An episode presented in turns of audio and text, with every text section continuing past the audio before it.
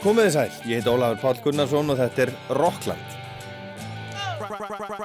Right about now Þið auglýsið hitt og annað, hérna hitt og annað sem svo aldrei kemur. Það var bara ekki auglýst, það var auglýst hvennasöng.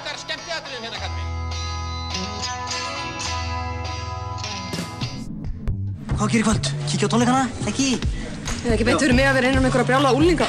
Hvað mennur þau?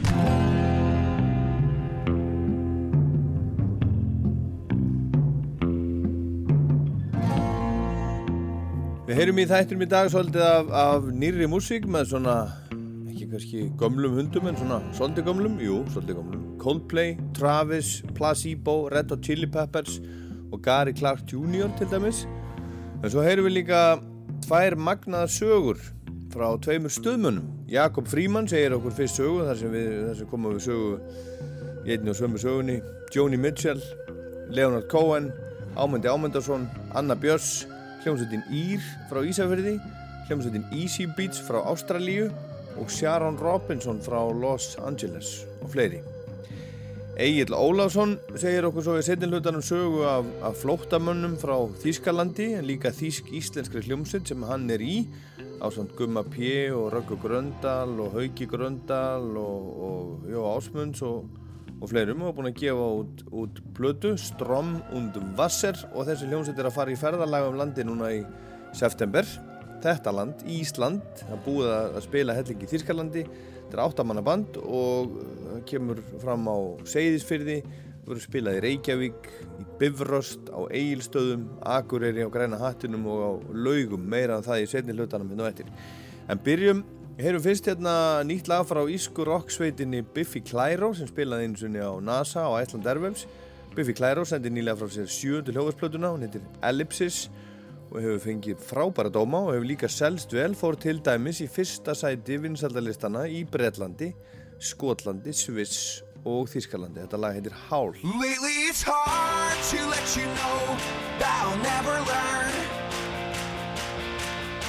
I am explosive and volatile. I'm on the turn. It's time to squirm back into the wall. My cage is spell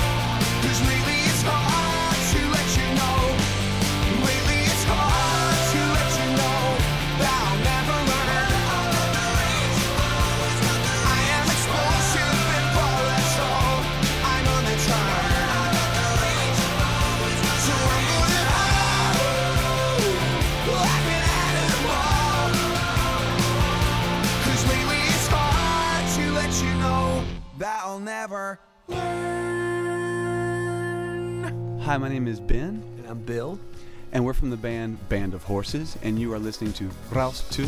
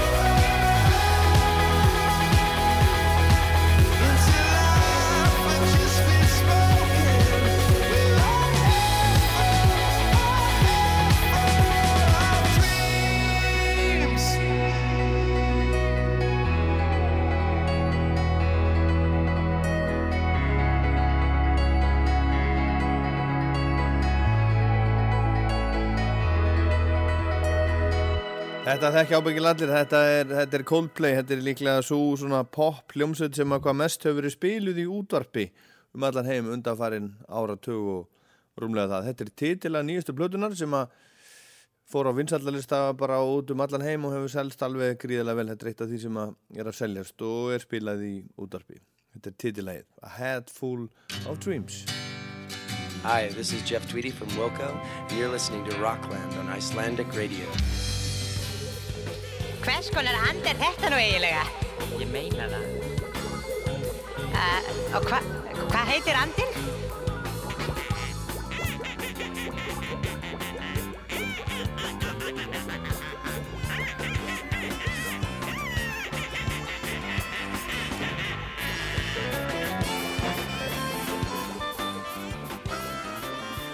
Hingað er kominn Jakob Fríman Magnússon til þess að segja okkur sögu. Heyru svo í Agli Ólafssoni hérna í setni hlutunum eftir með allt aðra sögu. En til þess að heyra hvernig þessi saga endar þá þarf fólk að sína örlítið fólimæði, hlusta til að enda eins og maður þarf alltaf að gera en maður vil heyra alla söguna. Sagan hefst í Reykjavík um miðjan áttunda áratúr. Þar er lífið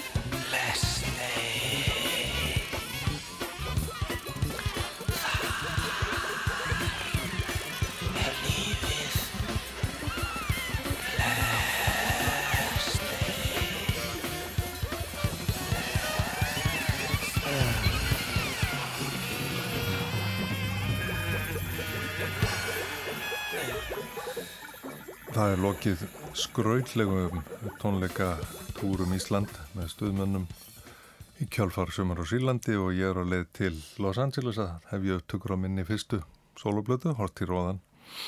Og uh,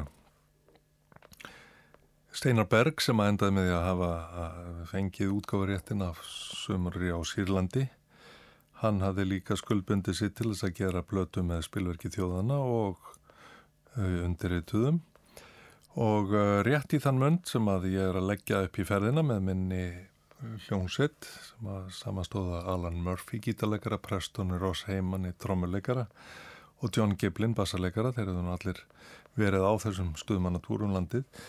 Þá nippir í mig gamli útgefandi stuðmanna Ámundi Ámundason og minni mig á atfylgi sitt við upphásárin og segir nú þartu að gera mig greiða.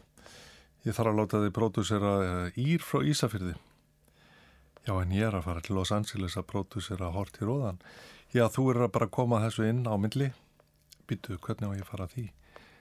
Já þú bara tekur þessa blötu upp í New York bara á leiðin til Los Angeles.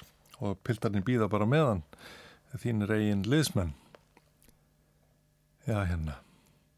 Ég kunni ekki að segja nei á þeim tíma og úrvarðað tvær hljónsiti fór til New York og dvöldu þar í tvær vikur önnur mestan part á hóteli í byðstöðu meðan hljónsiti nýr dvaldi í, í hljóðveri með mér og og uh, gerði þá fyrstu blötu sem að meðal annars inni helt Heikarnína og Stálfjörð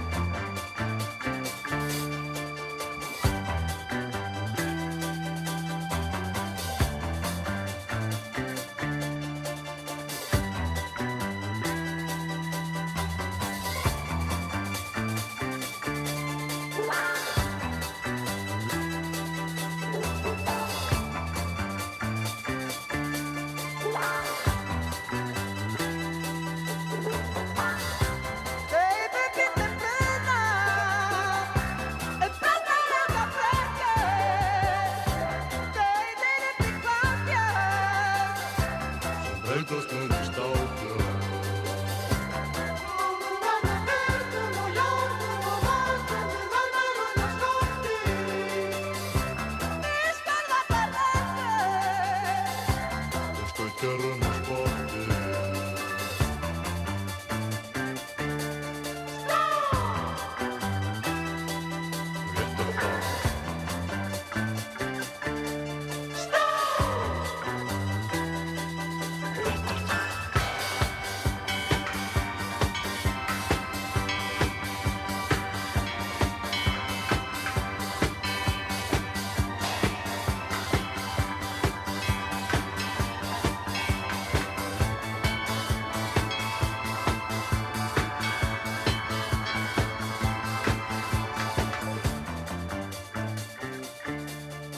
Þegar þessu var lokið þá uh, var ekkit annað að gera en að kaupa sér góðan stationbíl af Dodge-gerð, skella trómusettinu, bassamagnarannum og hljómborðinu, gítarmagnarannum í skottið og akka stað Route 66 yfir til LA.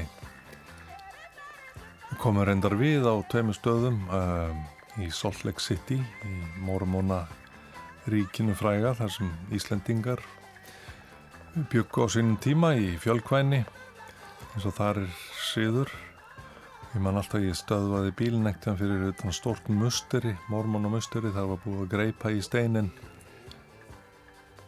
Endurtekin gjörningur verður að vana og vanin verður að persónuleikanum.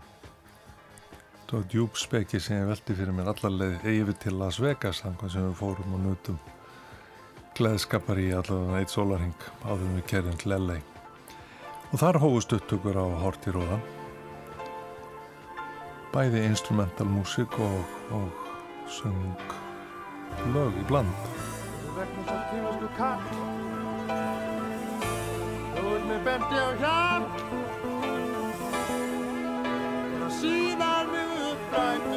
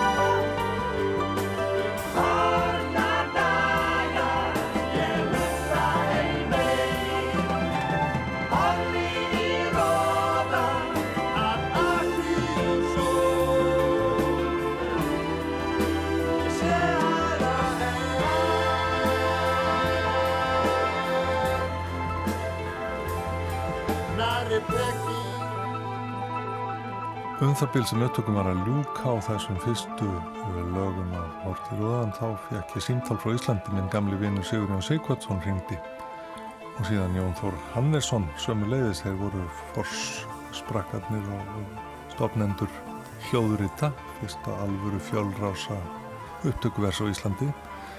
Og nú átt að breyta því úr 8 rása hljóðveri í 24 rása og þú verður að uh, vera okkur til uh, liðsinnis við það að koma okkar upptökumanni í nám. Svo hann getur nú handlað allar 24 rásignar er Jónas R. Jónsson sem átt eftir að verða uh, aðal upptökumanni hljóðrita um árabil og einn eigenda Ég var svo sem ekki með neinar patentlausnir á taktinum. Jónas kom, ég tók á mótonum og við ógum beint upp í A&M Studios sem að Charlie Chaplin hafði uppháðlega reist sem kvikmyndaver og Herb Albert síðan keft á samt Jerry Moss, stopnað fyrirtækið A&M, Albert og Moss. Og þarna voru að minnstakosti fjögur hljóðver og hljónblödd útgáðan og skrifstofurnar og alls sem þurfti. Yfirleitt var þetta vel mannað vörðum við hliðið en þeir einhvern veginn tölda við ættum þarna skýrt erindi. Svo að bíspertir voru við þegar við gengum í gegn. Og það beint inn í hljóðver nummer eitt Þar tók á mót okkur afskaplega gladalegur og elskulegur eldri maður, Henry Louis. Hverjir eru þið, sagðan? Jakob og Jónas heitum við. Og hvaðan eru þið? Við erum frá Íslandi. Já, frá Íslandi komið þið fagnandi.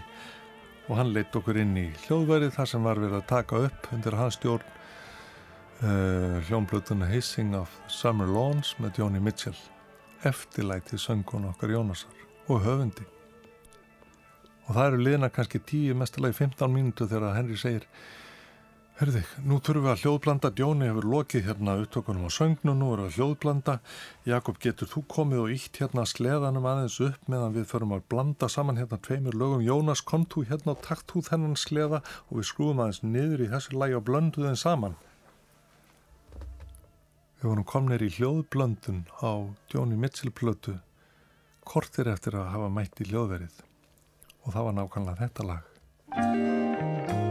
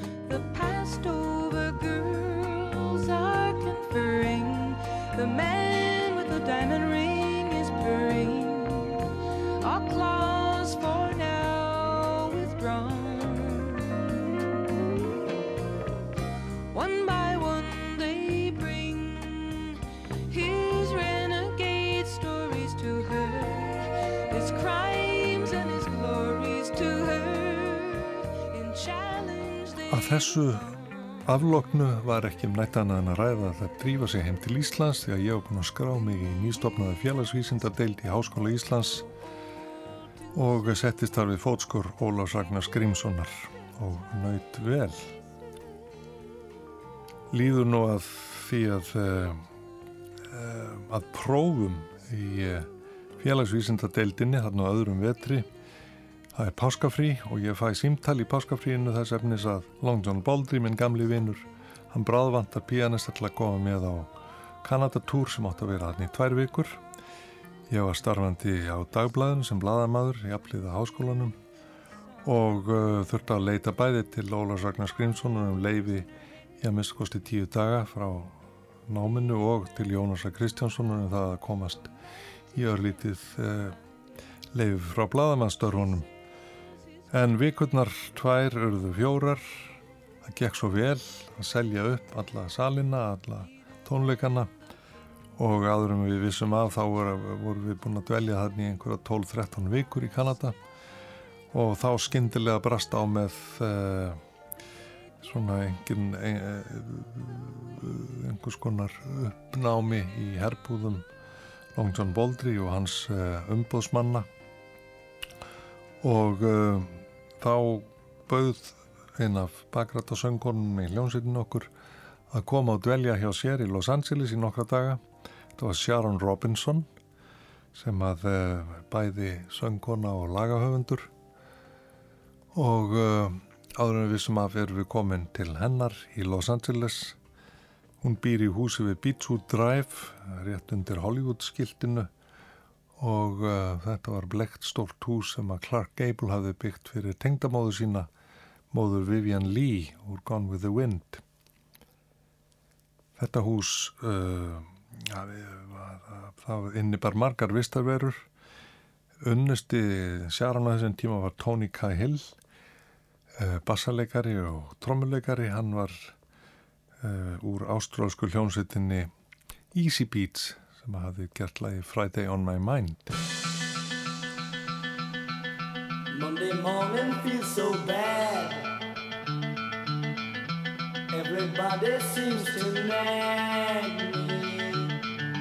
Coming Tuesday, I feel better. Even my old man looks good. Wednesday just don't go. Thursday goes too slow. I love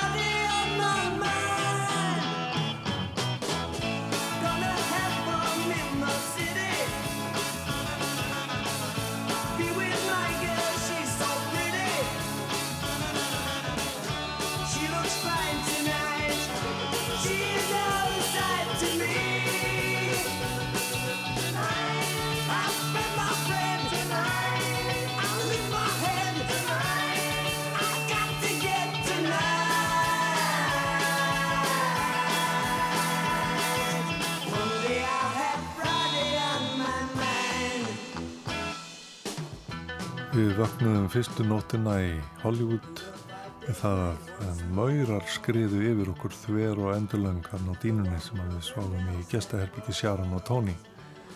En fallegir tónar bárust úr stofunni því Sjaran satt við úrlitsepíano og var að semja nýtt lag. Og hún vart alltaf lengi að velta fyrir sér köflónum og pörtónum Summertime is gone Og næsta dag var hún ennþá að smíða og þriðja daginn. Svo heyrði ég þetta lag ekkert fyrir en bara ég heyrði það í útarpinu með Diana Ross í gullfallegri útgáfu, Strengjum prítri. Summertime, when will you come?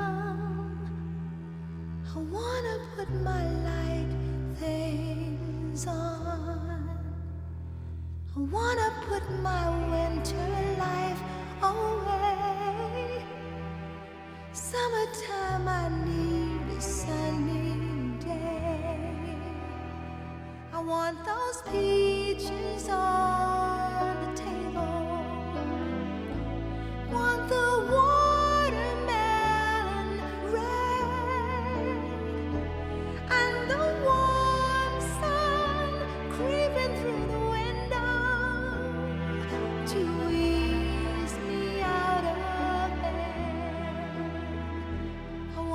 said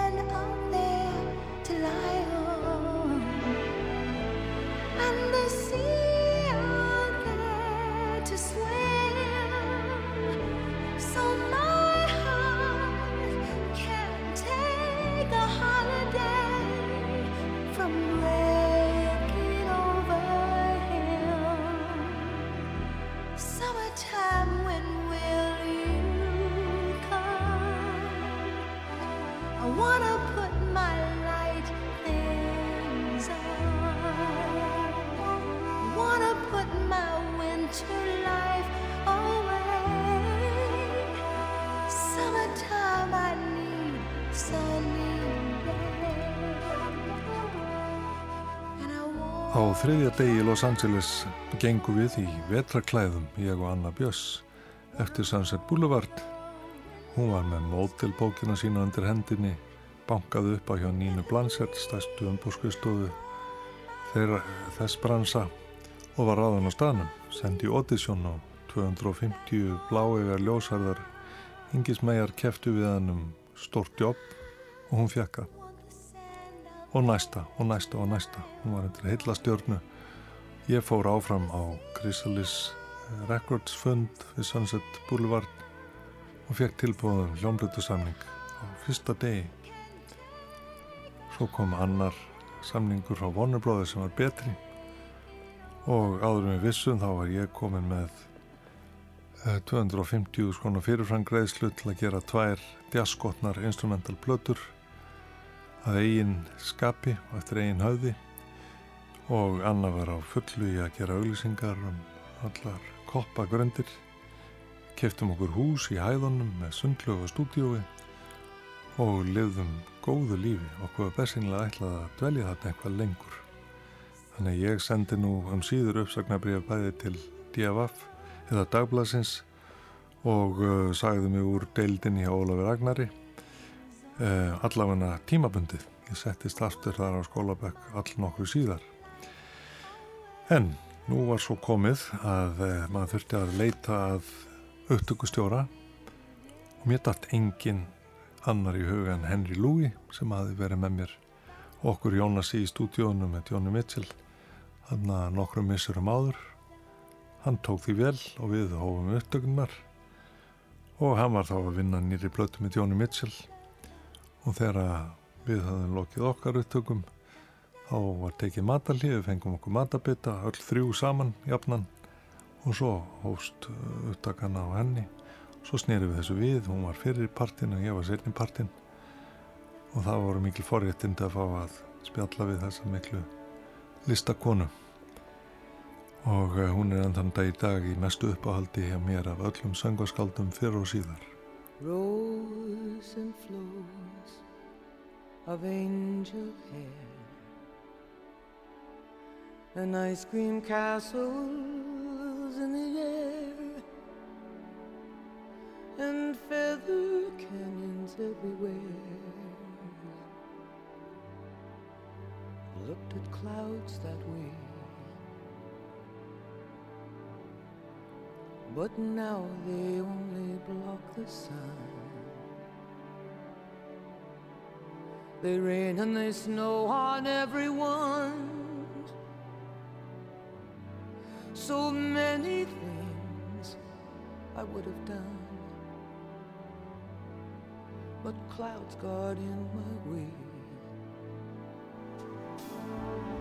I've looked at clouds from both sides now, from up and down, and still somehow it's cloud illusions I recall.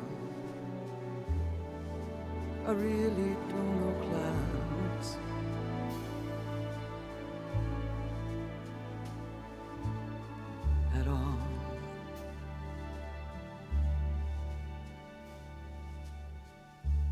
Moons and Junes and Ferris wheels. The dizzy dancing way that you feel as every fairy tale comes real. I've looked at love that Þegar við Henry hafðum lokið upptökum á minni plötu um, um það bil sem því var að ljúka þá tók hann til við að uh, stjórna upptökum á nýri plötu með Leonard Cohen við vorum að hljóðblanda mína plötu um það bil sem að Cohen er að byrja að sinni og Sharon Robinson, vinkona mín hún kemur með mér í eina sessjón um það bil sem við erum að ljúka uh, gerð plötunar hittir Leonard Cohen og það taka strax með þeim ástir. Þau byrja að vinna saman, byrja að búa saman, byrja að túra saman. Þau búa að vísa ekki saman lengur en þau vinna saman enn þann dag í dag, túra saman og hafa sami fjölmörg lög saman meðal annars þetta.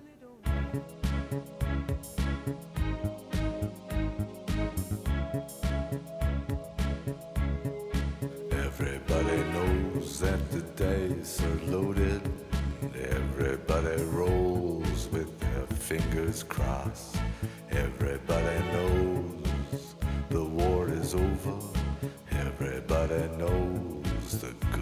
guys lost.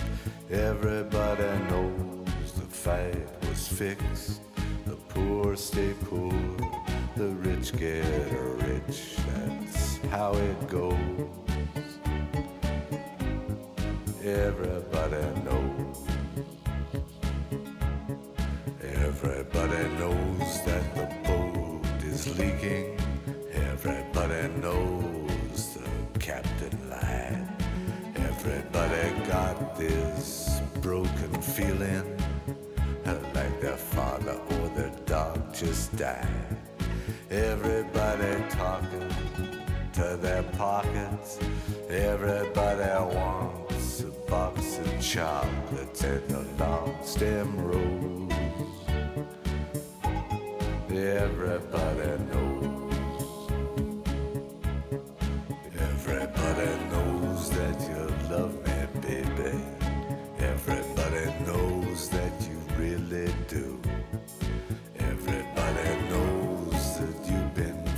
faithful.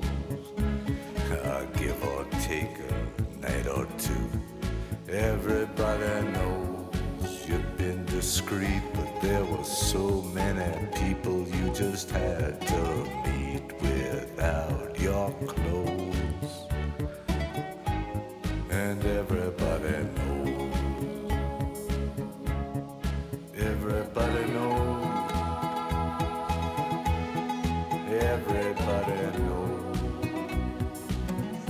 That's how it goes. Everybody knows. Sharon Robinson er einstaklega hæfileika rík bæði sem lagasmiður og sem söngkona indisleg manneskja lífsend og hefur marga fjöruna sopið hún giftist fyrir uh, nokkrum árum leikstjóra sem að einmitt uh, var starfaði fyrir fyrirtæki Sigurjón Sigvardssonar um árabil. Og hún var búin að skipilegja þessi tónleikaferðum Evrópu í fyrra þegar skyndilega brast á með andláti hans. Hún afbókaði ferðina og uh, jafnaði sig. Og síðan fyrir nokkru mánuðum hafði samband við með tónleika skipilagjendin hennar sem er að skipilagja nýja ferðum Evrópu og óskaði eftir því að uh, það er settur upp tónleika með henni hér á Íslandi. Og uh, ég sagði tafarlaust að sjálfsögðu gerum við það. Komi Sharon Robinson fagnandi. Við setjum hana upp með solotónleika í Rosenberg 15. september. Og gerum það að eftirminnilegri kvöldstund. Og til þess lökkum við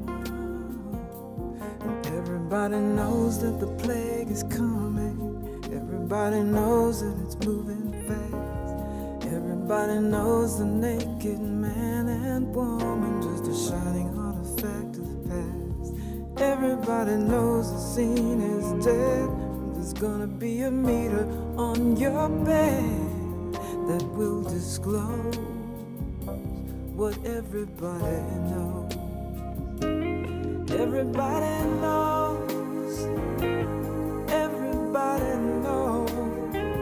That's how it goes. Everybody knows. Everybody knows. Everybody knows. That's how it goes. Everybody knows. Everybody knows that you're in trouble. Everybody knows what you've been through. From the bloody cross on top of Calvary to the beach of Malibu. Everybody knows it's coming apart. Take one last look at this sacred heart before it blows. And everybody knows. Everybody knows it's coming apart. Take one last look at this sacred heart before it blows. Whoa. And everybody knows. Svona flytur Sharon Robinson sjálf eitt af lögunum sem að þau sömdu saman, hún og Leonard Cohen, Everybody Knows. Og hún er að koma, eins og Jakob sagði, í þessari lungu og skemmtilegu sögu, til að syngja á Rosenberg 15. kvöldi 15. september klukkan 21 og miðasala, þessir örfá miðar sem eru til sölu, eru til sölu á miði.is.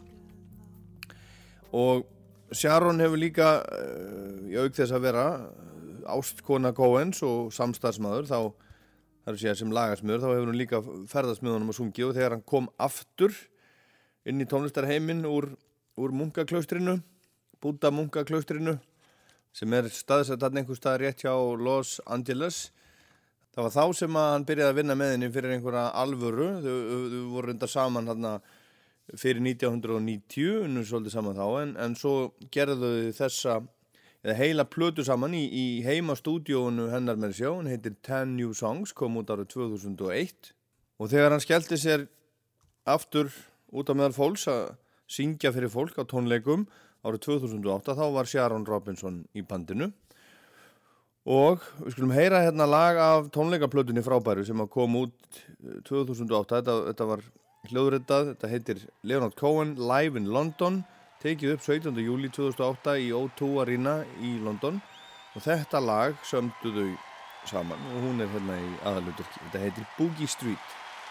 Oh, crown of light,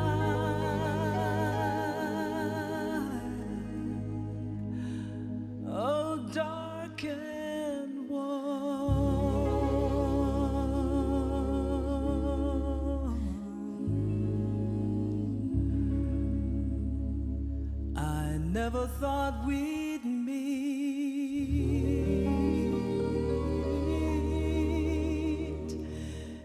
You kiss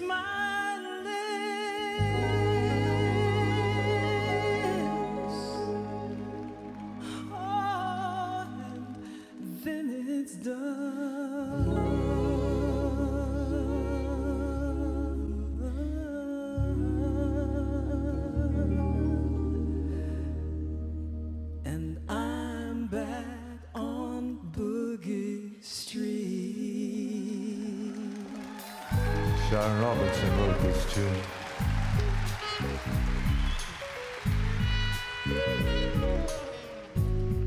A sip of wine, A cigarette. and then it's time to go.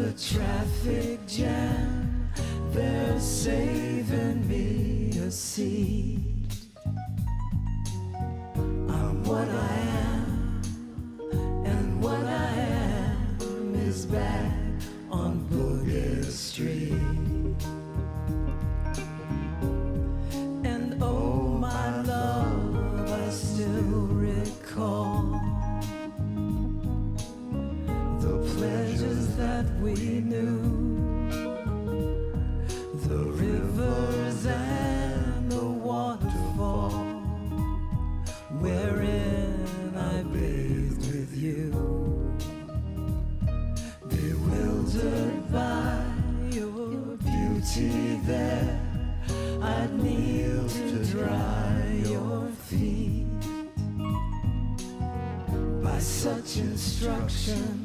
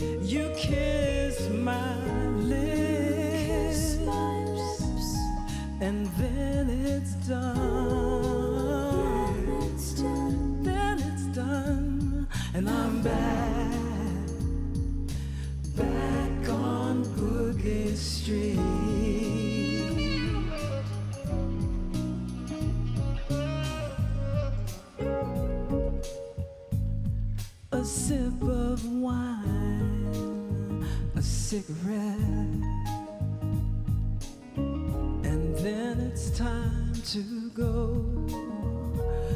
I tidied up the kitchenette. I tuned the old banjo. I'm wanted at the traffic jam. They're saving me a seat.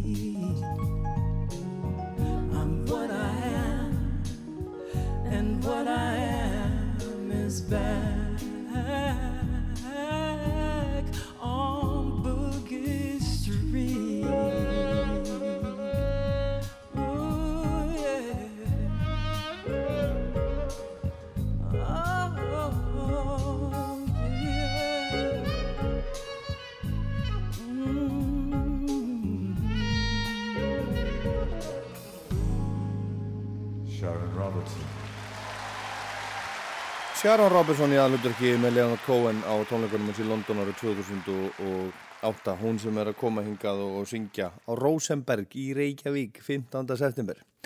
Og hún var eins og Jakob Fríman sagði okkur hérna á hann, gift trommuleikara Easy Beats, Tony Cahill. Hann spilaði með Hendrix í gamla daga.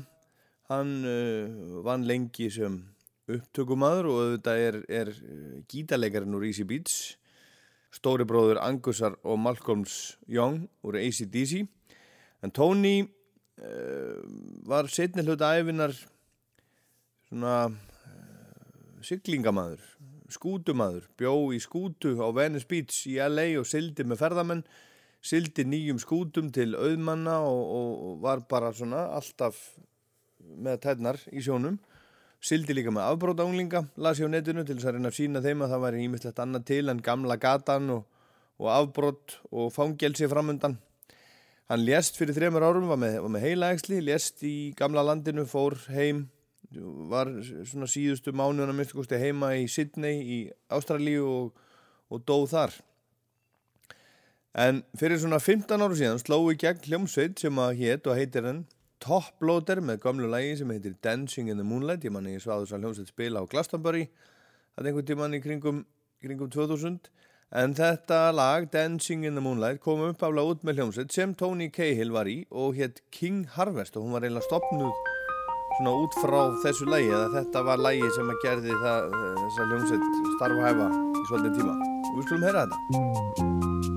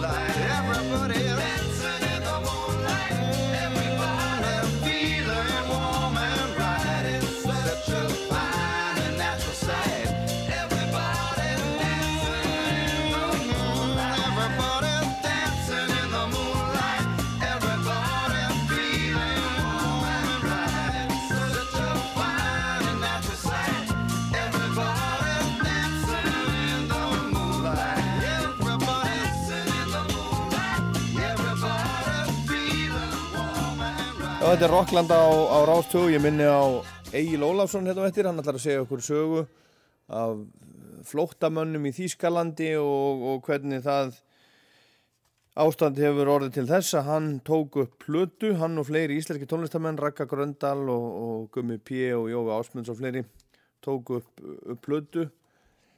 Eru búin að vera, vera að fylgja henn eftir núna í Þýskalandi og ætla að koma til er, og svo er hópurinn að fara að ferðast í kringum Ísland, ætlar að spila á Egilstöðum og, og Akureyri og Laugum og Reykjavík og fleiri stöðum. Heyrðu það hérna á eftir en fyrst nýtt lag með hljómsveitinni Travis. Þetta er af nýjastu blötunum þeirra sem að heitir Everything at Once og hér er með þeim söngkona, ennsk söngkona sem á rætur að reykja bæði til Jamaica og, og Líberíu og hún segist sjálfver undir áhrifum frá Joni Mitchell og Bob Dylan og Bob Marley og sýstur Rosetta Tharpe og þetta er uppáhaldslag um, Fran Healy, söngvara Travis ef við lesið af nýju Travis plötunni þetta heitir Idlewild Travis á samt Josephine Onyama Once upon a row of houses, tight skirts and baggy trousers, gray men in cheap disguises, high hopes and high rises. They left a girl who was on a mission. Left a boy who was under suspicion. Tried hard to stay beside her until the devil put his seat inside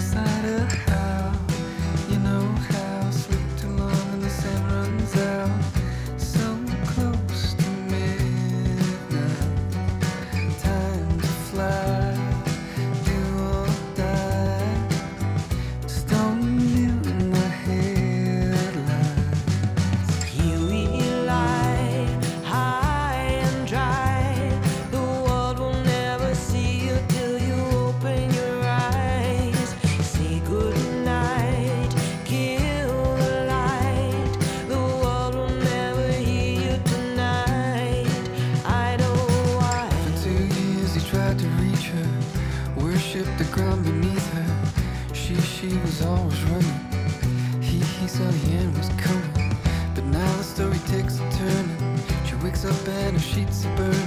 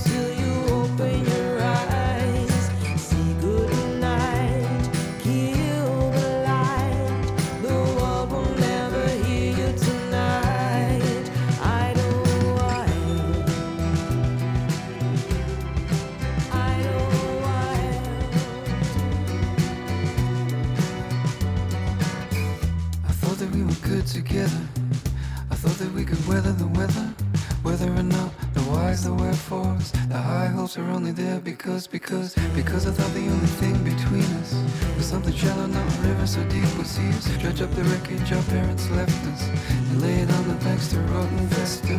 And now it's gone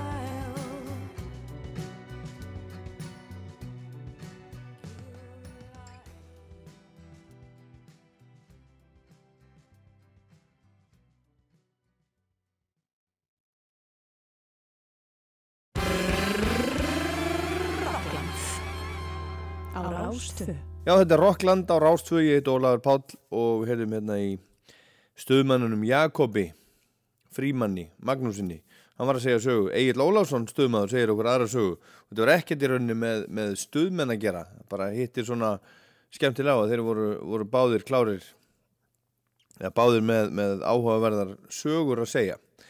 Heyrum í agli hérna á eftir en fyrst skulum við heyra eitt lítið lag nýtt lag með náðunga sem heitir Gary Clark Jr. þrítugur svartur bluesgítarleikari frá Austin í Texas.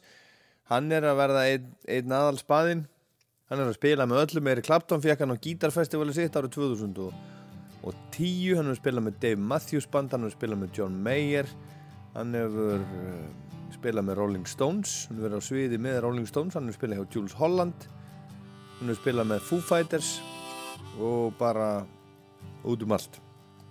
En hérna er hann með nýtt lag sem heitir Take Me Down Gary Clark Jr. When this train rolls down the track, I'm not coming back. Got a one way ticket, I'm going home. Back where I started from. Oh, take me down south. When you take me home, Lord. When you take me home, Lord.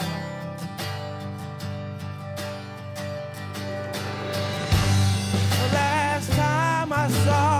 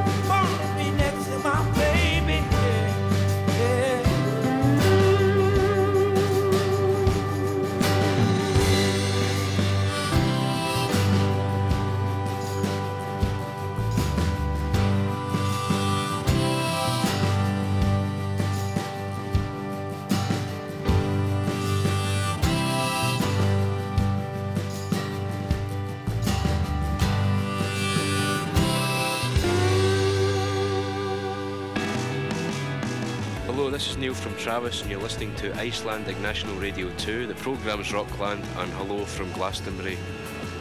Have fun. Yes, have lots of fun.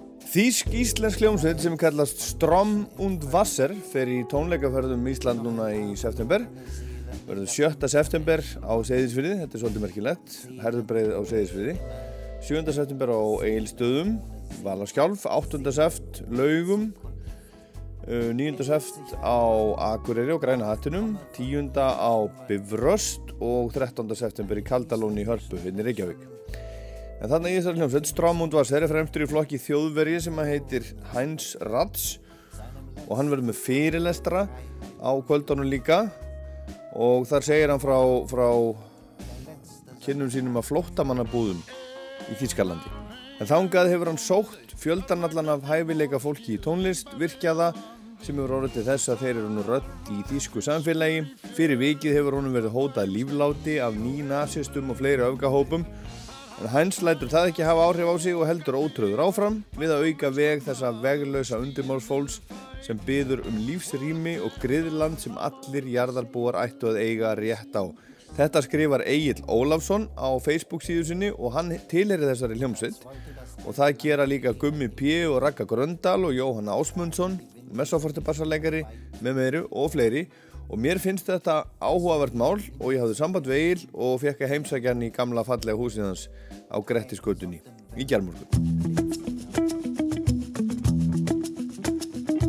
Keisarin, hann þyrti frí. Keisarin, hann þyrti langt gott frí. Ef kvíl á hvítu þrælana Kvíl á hvítu þrælana svörtu Skipin sigla í nótt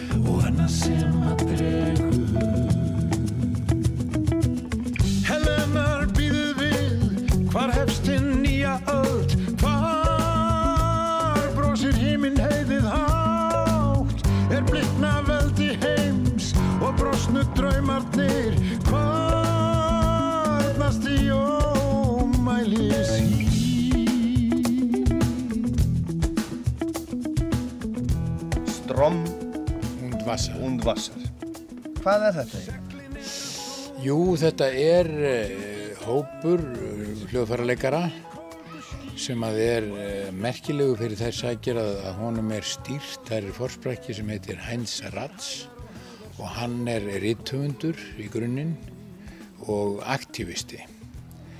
Hann er eiginlega helst þekktur fyrir það í Þýskaland og ef þú googlar hann þá kemur það helst upp að, að hann hefur farið inn í flóttamannakampana sem að hafa verið í Þýskalandi til allar götur, það eru ekki nýsaga, það er nýsaga og gömul í Þýskalandi en þessi nýju flóttamannabúðir þær eru búin að vera til allar götur frá lokum Kosovo-stríðsins það er að segja í, í rúman aldar fjörlung og hann fer inn í þessar búðir eiginlega á fölskum forsendum segist vera hann er með brúðuleikús og fer þarna inn og er sagt með það markmiði að kanna ástandið og reyna að hafa ná sambandi við músikfólk sem hann, hann er með hugmyndir hann er sérstakur sem aður að hann er með hugmyndir um það að það megi þannig þannig muni þetta fólk fá rödd út í samfélagið.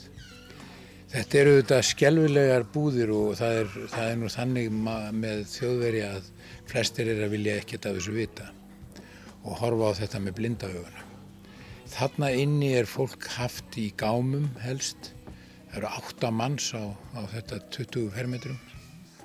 Og svo eru salerni bara kamrar úti við.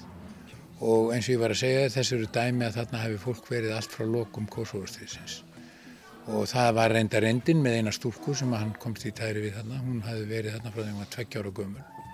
Og hún hafði lært á reyrflautur og hann, hún er tókst að virkja hana og það sem gerist er það að hann, hann fer út í samfélagið með þetta fólk og það hefur, sko, hefur leifi til að fara úr búðunum svona daglangt en það verður að skila sér fyrir sólsetur. Og það er með, með merki á, á, á fótunum. Og ef það ekki gerir það þá er það umsögulega sendt úr landi. Þannig að það hefur leifi uh, sko ekki allir en það eru þarna sumir eftir ákveðna veru þá hafa það leifi til að fara út úr búðunum en, en eh, bara í takmarkaðan tíma. Og uh, það sem gerist við þetta er að, að uh, hann er náttúrulega að gera þetta í trássi við, við öll lög og stjórnvöld fara að senda honum sektir. Það fréttist út í bæ að hann er komið með þetta fólk upp á svið og hann er búinn að þjálfa þetta og það eru komnir kom, mennir færðin að spila músík og, og tala á sínum tungumálum og svo er hann með túlka þannig að hann er búinn að þetta fólk hefur, hefur orðið rödd. Og hann fær það sem, næsta sem gerist er að hann fær sektir frá stjórninni stjórnvöldum fyrir það að fara þarna í leifisleisinn og hann sé að brjóta lög. Og, og það sem gerir svo bara í sem það hafa langar sögur stutta að það er háskólasamfélagi sem að tekur upp á því að heiðra hann fyrir framtækið því hann gerir miklu meir en það hann, hann syndir í þáu þessa fólks upp allar átnar og er með tónleika á hverju einasta kvöldi og safnar þannig áheitum og peningum og hann er að láta þetta fólk hafa peninga svo það geti keft sér fatnað og það geti búið ykkur staðar á þess að þurfa að skila sér aftur í búðunar og svo framvegis. En það er háskólasamfélagið sem að eiginlega eh, svona fyrir að heiðra hann fyrir hans framtak og það er, hefur þróast í þá veru að núna er Merkeli búin að sagt, taka allt aftur með sektirnar og, og hann hefur fengið uppreist æru og, og nú vil hún bara í samstarfið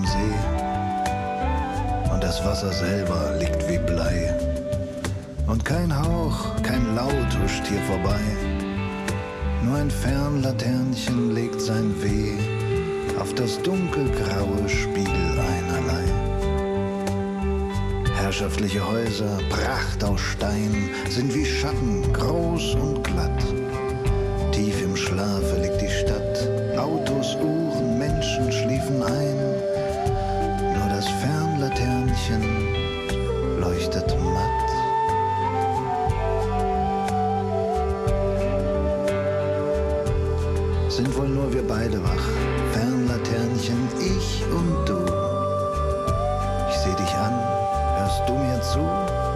Das ist mein Herz, der leise Krach.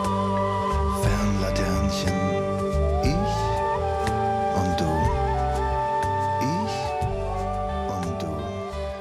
Þetta er Heinz Ratz og þetta er Strómund Vasser, þetta er þessi hljómsveit en hann er, hann er, hann er, hann er aktivisti, hann reykur leikhús til dæmis þar sem aðaleikendunir eru bílar og hann talar fyrir bílan og þeir eru karakterar og, og hann ekur þessum bílum all, öllum, einn síns liðs, ferjar þá á milli borga og svo er hann með síningar og svo talar hann fyrir bílana, þeir eru karakterar, hann gefur út bækur og hann heldur fyrirlestra og svo framvegis.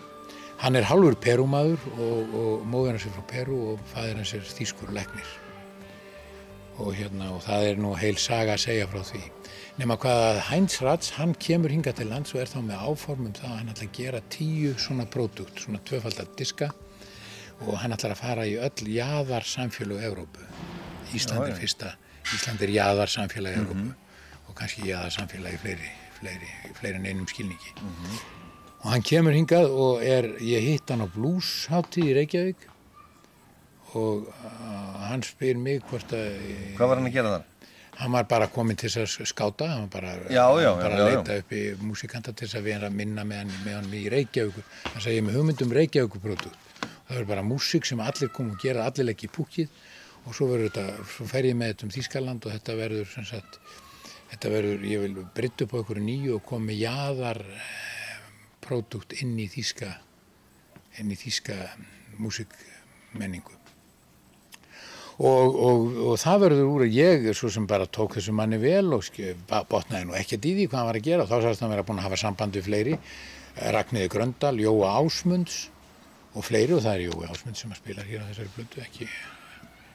Og, og fleiri og, Haug Gröndal og hann sé búin að hafa samband við fleira fólk. Og hérna og hvort að ég sé ekki geimin hann ætla að vera með í grunninn sitt þíska band svona lengt og ljóst meir og minna og ég sá hann að ég væri til í þetta pródukt, Reykjavíku pródukt og það voru þetta fólk, Ragnar Gröndal, Haugur Gröndal og, og Jói Ásmunds og fleiri. Og, og, og Gummi, Gummi P. líka.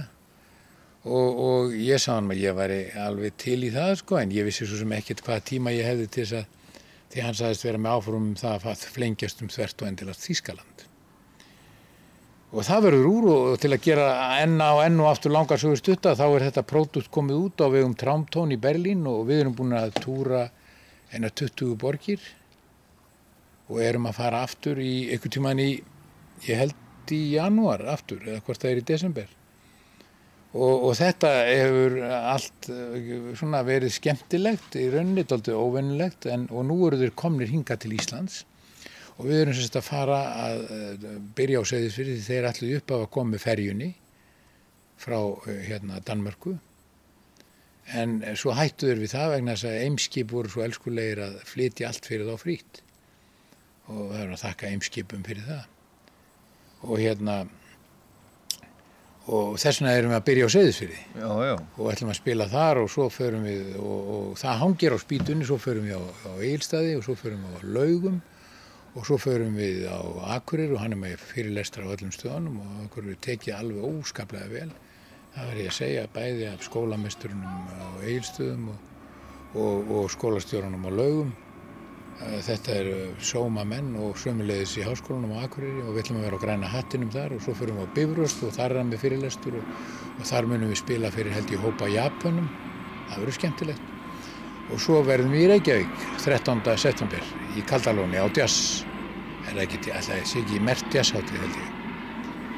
En sum séð, svona er þetta komið og, og hérna og, og, og, ég er bara afskaplega er bara gaman að því að ganga til liðsaftur við svona fólk sem að menn er á öllum aldri þarna, hæn sjálfur er uh, rétt tæplega 50 ég er nú aldursfósitinn en, en það, maður finnur aldrei til aldurs í músík, það er bara músík og, þetta er bara, og hefur verið óvinni skemmtilegt, auðvitað ekki neinum merkantilískum skilningi sko en, en þeir eru svo áhuga samur og þessu bandi er eiginlega að hluta til haldið út af leggsteinasmiði það er fallegt líka.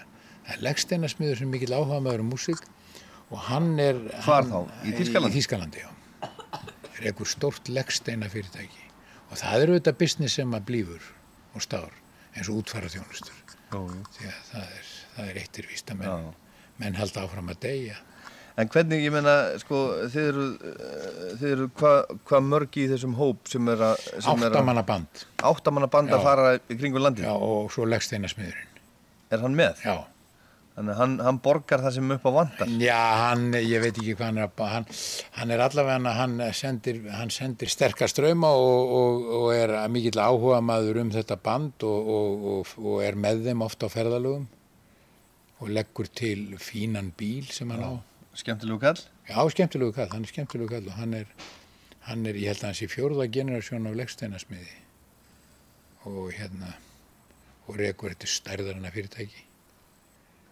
Hæns Rats, hann mun halda fyrirlestra á öllum þessum stöðum, á Seðisverði, Egilstöðum og Laugum og Háskólanum Akureyri og Bifröst og þar ætlar hann að útlista sem sagt þetta fyrirbæri, þessar flottamannabúðir sem eru í Þýskalandi og hvernig hann sér í rauninni ásýnd Evrópu breytast í kjálfara á þessu því að þetta eru þjóðflutningar sannanlega og það eru, ég held að ég færi rétt með að séum 700-800.000 manns í flóttamannabúðum í Þýskalandi. Sko og þetta er, þetta er fólk sem kemur frá þau stríðsræðum löndum og, og það á ekki afturkvæmt til sinna heimalanda í flestum tilfellum og það þýðir bara eitt að að menn verða að horfast í við þetta. Er eitthvað sem að samfélagin verða að horfast í við og það er nú einu sinni þannig að mannréttindasáttmálun hann kveður á um það að það er allir menn búandi á þessari jarðkúlu rétt til griðlands.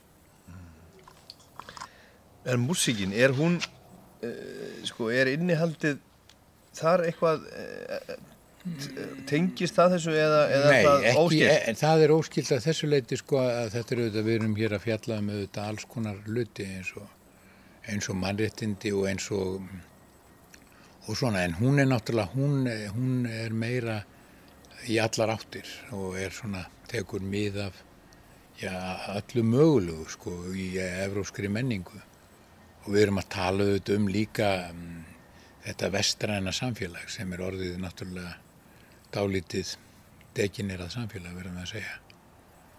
Og þetta lag sem að við ætlum að hlusta á núna á eftir er, heitir Fjögur gött og textin er einfaldur. Ég fann gat sem gæti verið gat á gatinu. Samfélögin eru göttótt stjórnarfærið er göttótt og líf fólksins er meir og minna göttótt og við þurfum einhvern veginn að uppræta þetta eða gangast við þessu. Þannig að byrja á því að skoða í eigin ranni taka til í eigin ranni. Ég held að það sé eiginlega einust leið og það er að að menn taki einhvers konar sönsum í þessum samfélögum og átti sig á því að við erum nú ekki einir í heiminum. Og það eru fleiri sem eiga tilkall til jarðarinnar en við sem erum svo heppin að búa í, í landi þar sem er friður og, og spekt að mestu liti. Ég fann gat sem geti verið gat á gatinu. Ég fann gat sem geti einmitt verið það. Ég fann gat sem geti verið gat á gatinu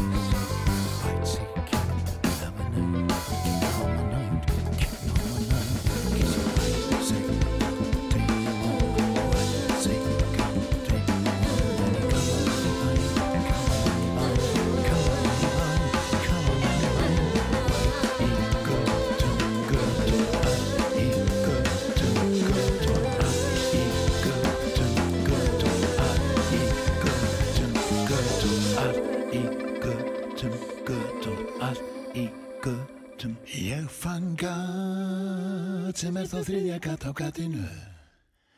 Ég fann gat sem geti einmitt verið það. Ég fann gat sem geti verið gat á gatinu. Ég fann gat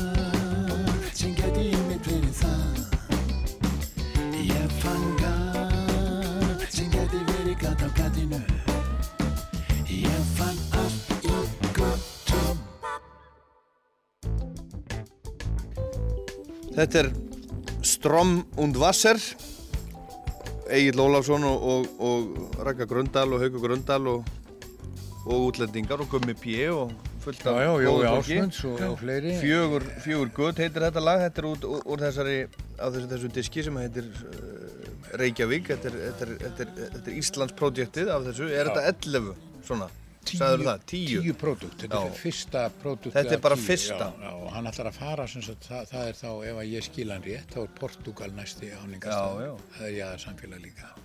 Og svo hefur merkilega Tyrkland, þar fer hann næst. Svo er Finnland, eitt landana. Mhm.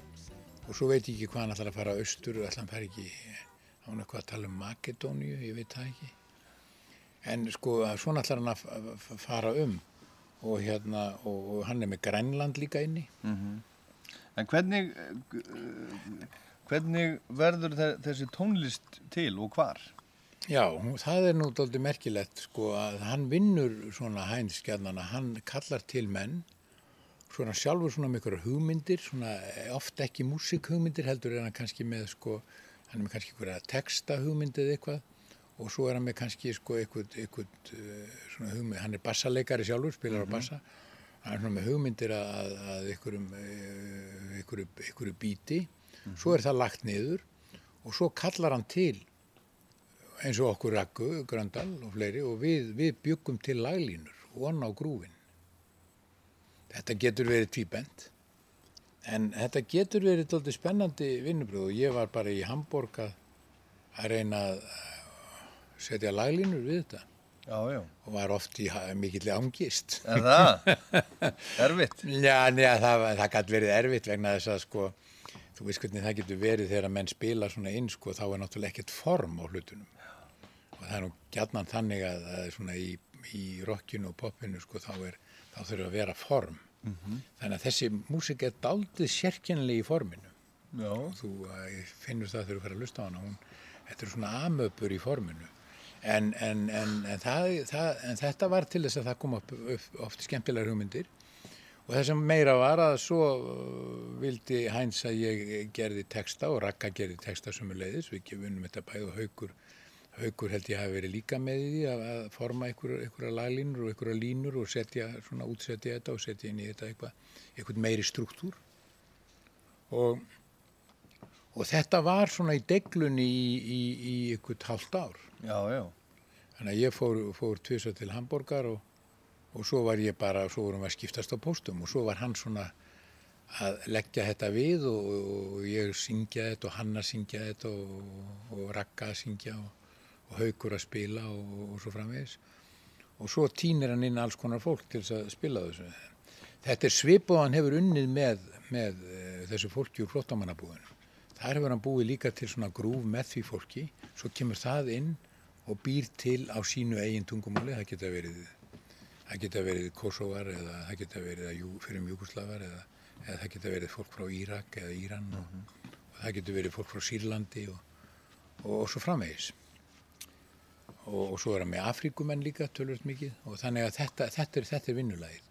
Og það er, þetta er spennandi, það er alveg, það alveg óvægt að segja það og auðvitað hérna og svo náttúrulega þetta ágæta útgáfélag Tramptón þeir e, voru svo skemmtileg, ég nú aldrei upplöðað það áður sko, það, ég var alltaf að fá orðsendingar frá þeim sko, hvaðan þetta er gott Já, ok. og hvaðan þetta er miður gott sko. Já, er það? Já. Er það ekki? Það er, ó, það er sjálf, sjálf, sjálf Já, og svolítið óþægilegt kannski. Mér þótti nú að hólið gott sko og hólið var það gott að, að ég, ég sá enga ástæða til þess að vera kvarta yfir hinn þó að vera verið að tróða skóarpinir að mér á og til. Líka að finna að. Já, já, þetta voru skemmtileg, þetta voru skemmtileg vinnubröð og svona hefur þetta orðið til og svo er þetta auðvitað editerað og klift til og, og svo þegar prótu til ykkur fyrir þá er hann komin á stað og, og hann er með mörg játn í eldinum í senn, hann er með þetta leikhús sem ég var að segja af áðan, bíla, bílarnir, þar sem bílarnir leika hlutverk. Bílar, það eru bílar sem eru karakterar í verkinu og hann talar fyrir það og það kveikna ljós og þeir, þeir lifta skrúa sér niður rúður og það er fólk sem er að tala saman inn í bílunum og þeir eru karakterar og ræða við bílinn sko. og svo er hann hérna með svo er hann með útgáfu, hann gefur út tölvöld mikið og skrifar spæði skáltsugur og ljóð og svo er hann ötull við útgáfu og, og, og svo er hann á stöðum ferðalögum með þessi pródútt sín Heyrðu hann slag sem heitir Heima. Já, það er lag sem að Ragga hafi, hefur sett laglínu við, fallegt lag og, uh, og það er gaman að því að, að við erum auðvitað að syngja á, og það eru sungið á gelísku, það er sungið á íslensku, þísku, ensku, er ég að sleppa ykkur? Já, uh, já, ég held ég sé ábyggilega að sleppa ykkur. En, og það er gaman að því að, að, þjóðverjarnir eru afskaplega áhuga samir um að heyra tungumál önnur en þýsku og ennsku. Þeir, maður sér það, þeir leggja við hlustir. Og það er ánægilegt. Fyrir utan að ég held að þjóðverjar eru síðasta Evrópaþjóðin sem kaupir blötur held ég. Þannig að þetta hefur verið alltaf forvitinlegt og skemmtilegt. Fyrir utan að við höfum verið að ferðast núna uh, þessar síðasti túr, hann var aðalega um fyrr, fyrr, fyrr, fyrrverandi Östu Þískaland og það er afskaplega sorglega ásýnd á þeim, þeim hluta Þískalands. Því að það hefur ekkert gengið eftir sem þeir þó lofuðu sko úr vestrinu að það var að, að byggja fyrirtæki sem að voru, sem að voru góð í þessum fyrrum fyrir um hérna, alþjóðu lífveldið Þýskalands.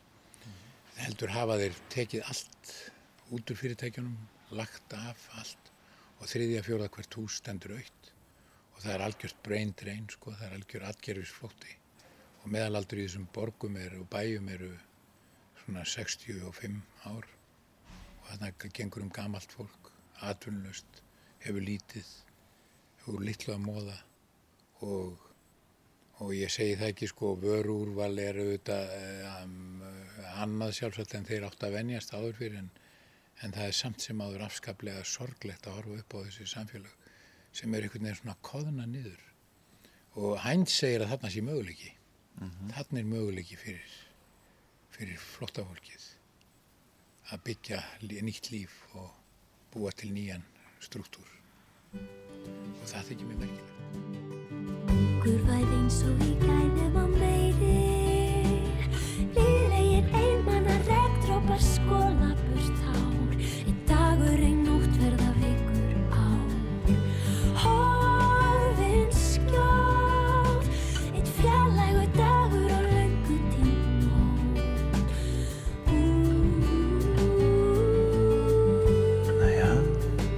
wie soll ich sagen? Der Mond scheint wie immer. Knapp daneben scheint auch der Mars. Und die Melancholie ist wie gestern, nur schlimmer. Doch die Party ist super. Und bitte, das war's. Ach ja, da im Schatten, da küsst sich ein Pärchen, vielleicht ganz betrunken, nur von dem Kuss. Du schüttelst den Kopf. Du glaubst nicht an Märchen. Aber ich bin ein Dichter, ich glaub dran, ich muss. Skugganum tvö kossa ölfuð Hugur minn leita til þín sem ert horfin á braut Að eilífu fallin í tímans skaut Allt og Und eins noch. In Reykjavik strahlen die Frauen. Halb Lava, halb Eis, halb Trolle, halb Feen. Aber ich werde trotzdem nicht nach ihnen schauen. Ich werde stattdessen ein Buch lesen gehen.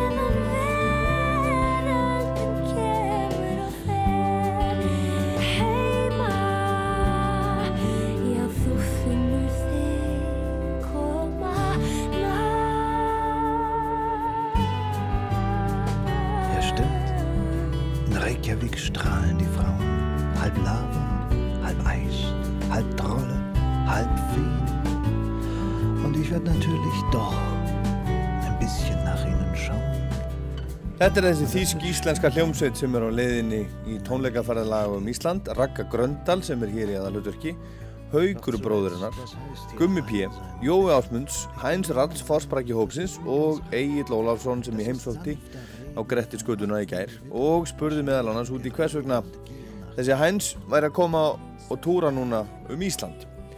Og mér finnst gaman að segja frá því að píjánuleikurinn sem að Ómar á bakvið kemur vissulega úr píjanúunars Egils, heyrið það hérna á ettir en það er Egil ekki og ekkert, þetta er ekkert viðkomandi honum nema hvað þetta er þetta er, þetta er píjanúunars Egils en sjö ára gammal sonur minn að improvisera hann er kallaði Sturri og hann var ekki búinn að fá leifi Af hverju að koma til Íslands? Jú, það er auðvitað vegna þess að próduktið heitir Reykjavík og hann er að vinna hér með Íslandingum og, og það er svona einhver þörf til þess að fara út á jæðarinn eins og Hænt segir og tala við fólk. Segja frá uh, því sem að hann gerir og heyra svo aftur sögur af fólki hér. Og ég vissi það ekki fyrirfram en ég veit að núna hann er búinn að setja sig í samband við marga sem eru flóttamenn hér og það ég vissi ekkert af því þannig að hann, er, hann heldur áfram sko og, eh, og hann eh, ætla sem sagt að segja af sínum sínum högum og því hvernig, hverju hann hefur mætt í þýsku samfélagi og ég held að þetta sé holdt fyrir til dæmis fólk á skólaaldri að, að kynast þessu en þess að þetta er eitthvað sem að fyrr eða síðar á eftir að koma hingað. Við erum að taka við flótamönnum í afskaplega litlu mæli og sjáum afskaplega lítið af þessu og margir vilja ekkert af þessu vita. En, en staðrendin er þess að þessi þjóðflutningar munu að halda áfram og róstur í þessum samfélögum sem að eru bæði í Östurlöndum fjær og, og nær og, og, og, í nágrinni við okkur að hann mun ekki minka held ég. Það eru komnir upp þeir sérkynlugu tímar held ég að það sem að ég held að, ég held að það séum að kenna ákveðinni ákveðinni sko sín manna á tilveruna. Og, og, og hvernig það er svona sjálfhverfa eikst og það er alveg segin saga með allri einsleitni í samfélögum. Þá, þá, þá, þá vex, vaksa fordómar. Sko einsleitni hún skapar fordóma. Og þegar við erum bara fannir að geta sko búðing og selgæti þá, byrja fordómarnir fyrst gagvart öllu öðru öllum þeim sem ekki borða búðing og selgæti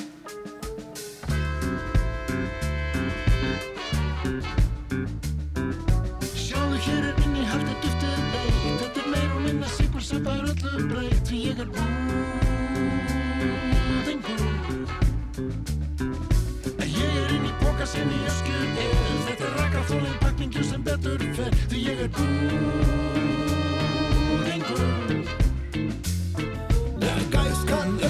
der Körper macht schlapp. Komm, hat man die Musik begriffen, schalte deiner ab. 20, 50, 100, man fühlt sich um, man möchte zu den Sternen, man muss zum Dumm. Stachelisch wird man trotzig, man scheint sich zu verstehen. Die Party hat doch eben erst und man muss gehen. In einmal Land des Lebens ist man eine kleine Zahl. Sich selbst unendlich wichtig, den anderen scheißegal.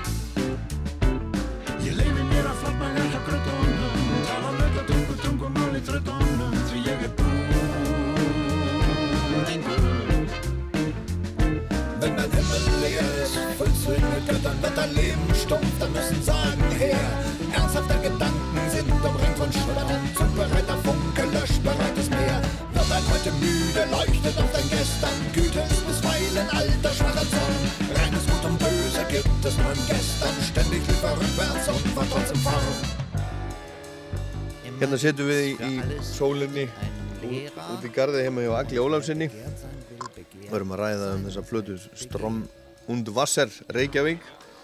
Egil Ólafsson, Haugur Gröndal, Ragga Gröndal, Guðmundur Pétursson, Jón Ásmundsson, Jón Indriðarsson og, og fleiri og, og, og útlendingarnir. Og hvað er það sem að eh, hvað er það sem að, sem að keiri þennan ágæ- ágæta mann áfram sem að, sem að stendur á bakvið þetta? Það er nú kannski uh, má vísa til hans uppruna. Hann er, móður hans er frá Peru, eins og ég sagði, og, og fadur hans er, var, er og virtur læknir í Ískalandi. Og um, það sem að gerist í hans uppvexti er það að hann kemst að því að hjónaband þeirra byggir á dátur sérstökum hlutum uh, sem að þeir ganga út á það að fadirinn heldur móðurinni niðri á róandi lifjum. Já. Þar kviknar hans réttlætiskend og hann áttar sig á því að hann náttúrulega elskur að móður sinni og, og skilur ekki alveg af hverju þetta er en, en þau höfðu kynst í háskóla í Þýskalandi og, um, og hún er auðvitað þvíleiti til undirmáls að hún talar aldrei uh, þýsku eins og innfætt en hérna og, og, ykkur hluta vegna þróast þetta hjónaband með þessum hætti. Og það er Heinz Ratt sem að bjargar henni út úr þessari þessu viti og upp frá því örvarst hans réttlætiskend og hann fer að hugsa með sér það lítur að vera svipað ástætt fyrir fleirum í Þýskalandi. Það hljóta að vera margir undirmáls í Þýskalandi sem að eru að ykkur, ykkur, að ykkur vegna einhverjar aðstæðna mállausir eða, eða veigra sér við að tala eða, eða, eða, og er haldið niðri með einhverjum hætti. Og þarna kviknar hans réttlætiskend og hann byrjar að leita fanga í því hvernig hann geti upprætt þetta. Þetta er erfitt mál og vandasamt vegna þetta er viðkvæmt mál og, og auðvitað er þetta þannig að, að það er, þetta er ofta ekki rætt innan fjölskyldna og þetta er tabú mikið og, og svona feimnismál og oft falið. En og það er ástæðan til dæmis fyrir því að hann fer inn í flottamannakampana hann veit að þarna er fólk sem hefur verið sem ekki hefur haft rödd í þýsku samfélagi árum saman, ég vil áratugum en það kemur það á daginn. Að, að eldstu flottamennir í þessum búðum eru búin að vera þarna barnungir frá lokum Kosovo-strísins og þarna er kviknar þetta það er þetta sem heldur hann um ganganda hann er, hann er með einhvern uh, stálvilja og hann er einbeittur í því að vilja bæta, leggja sitt að mörgum til að bæta heiminn. Og þetta er afskaplega sjaldgeft að menn séu tilbúinur að leggja allt í sölurnar fyrir líf annara og ég verð að segja það að þetta er einstakur maður. Ég hef bara ekki ég held ég að geti fullist það, ég hef bara ekki kynst öðrum eins. Þannig að hann er algjörlega eh, sér á parti.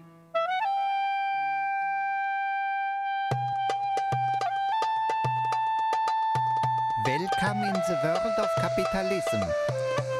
The old god's gone and the new world is done. Viele Leute, gute Leute machen Kohle, machen Beute. Teure Waren, billig Waren, muss auch noch zu Aldi fahren. Weil wir schwitzen, wenn wir schuften, wollen wir am Abend duften. Jahre, Wochen, Tage, Stunden sind ja sonst umsonst verschwunden. Immer nach dem neuen Gieren, immer nach dem Nachbar schielen. Auf der Lauer wie die Raben, lieber alles doppelt haben. Pelze, Nerze, goldene Zähne und ein Stuhl mit Lederlehne. Schaffen, raffen, aufbewahren, dafür teure Autos fahren.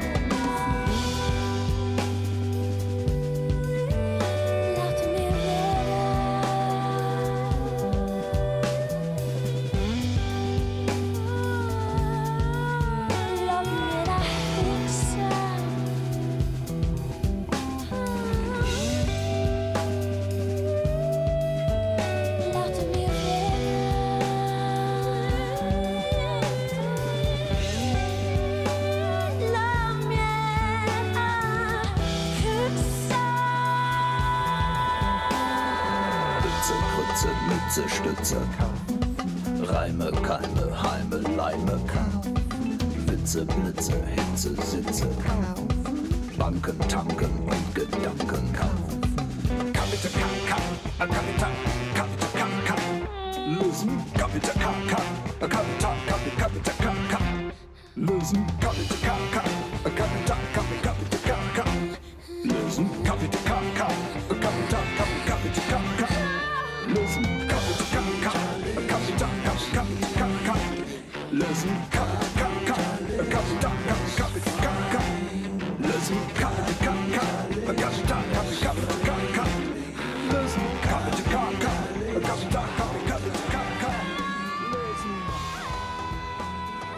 Strom und Wasser og lag sem heitir Kapitalism að þessari plötu sem heitir Strom und Wasser Reykjavík og þarna er Raka Gröndal, Egil Ólafsson, Haugur Gröndal, Guðmundur Pétursson, Jón Ásmundsson, Jón Indreðarsson og, og fleiri og þessi þýsk-íslenska hljómsveit er núna að fara um landið eins og fram hefur komið sem eru 7. september á Seðinsfyrðu í Herðubreið 7 í Valarskjálfa eilstöðum, 8. laugum, 9. græna hattinum á Akureyri, 10. september Bifröst og 13. september í Kaldalóni hérna í Reykjavík. Fremstur í flokki þjóðverinn Hans Ratz og hann ætlar að tala líka, hann ætlar ekki bara verið að syngja og spila, það verið líka að talað um þessa, þessa flóttamannabúðir í Þýrskalandi. Svolítið, svolítið merkilegt mál, áhugavert.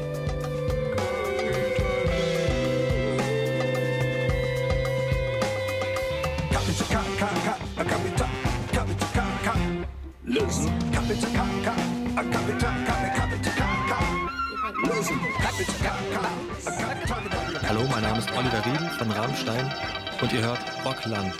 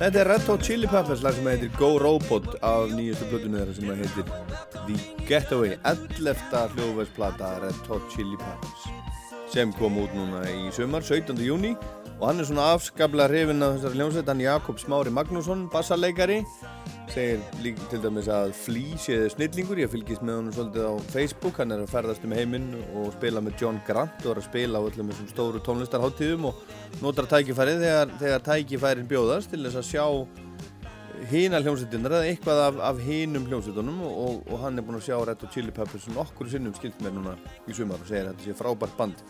Svolítið hissa og ég var svolítið hissa þegar ég sá þetta vegna þess að ég hef síðan síðan þessar hljómsveit spila nokkur sinnum og þeir hafa alltaf einhvern veginn verið frekar lélegir finnst mér upp á sviði en þetta eru þetta bara dagsformið og það allt saman og, og, og, og svo horfir hvernig er frasinn hver horfir sínum augum á, á gullið og það allt saman Jæja, það var bara eitt lítið lag eftir og það er tengt næsta þætti. Brian Wilson fórsprakki Beach Boys er á leiðinni til Íslands í fyrsta skipti og ætlar að spila á samt hljómsveitinni plötuna Pet Sounds í heilsinni í Eldborg í Hörpu. En þessi plata sem popfræðingar segja sé einn besta og mesta plata rocksögunar, besta og mesta. Hún er orðin hálfrar aldar gömul, kom út ára 1966. Þetta er bara svona eina vörðunum í rocksögunni. Ég á bókaðan símatíma með herra Brian Wilson á morgun og næsti þáttur verður, ef allt gengur ráðskum, til engaður honum, Beach Boys og Pet Sounds. Og við skulum enda Rocklandi í dag á einni af perlunum af Pet Sounds, læginu God Only Knows. Mér þykir prívat og persónulega afskapla væntum þetta lag af ýmsum ástæðum. En þetta er Masterpiece, þetta lag, það er bara svoleiðis. Ég minni á vefin og hlaðvarpið, podcastið, þið getur gert áskrifundur af Rocklands podcastinu gegnum iTunes. En ég heit Ólaður Páll, takk fyrir að hlusta.